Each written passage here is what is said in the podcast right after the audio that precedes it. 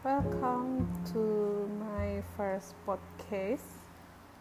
Ya, kali ini gue pengen share gimana sih cara bikin habits yang selama ini susah banget buat dibangun. Apakah itu mulai di hari pertama? Apakah ketika si habits ini sudah berjalan lalu tiba-tiba kehilangan semangat atau mungkin selama ini udah punya habits yang bagus tiba-tiba ngerasa nggak penting buat maintain habits tersebut. Atau lebih jauh pengen maintain positif attitude. Itu juga termasuk habits atau semacam sifat ya menurut gue yang kita bisa bikin sebenarnya.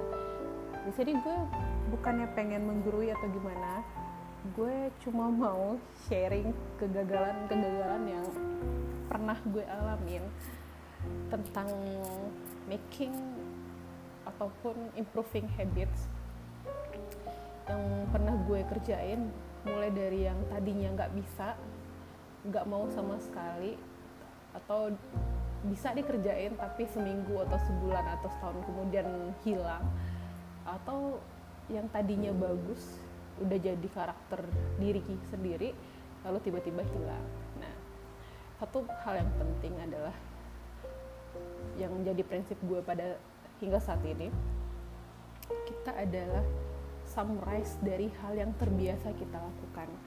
Nah maka dari itu kalau lu pengen a better life hidup yang lebih baik maka yang pertama kali harus kita perbaiki adalah habits. Nah di step-step sekali ini banyak banget kegagalan-kegagalan yang gue alamin dan bagaimana cara gue menghandle itu semua. ada beberapa tahap di sana sebelum habits tadi menjadi karakter diri gue pada saat ini.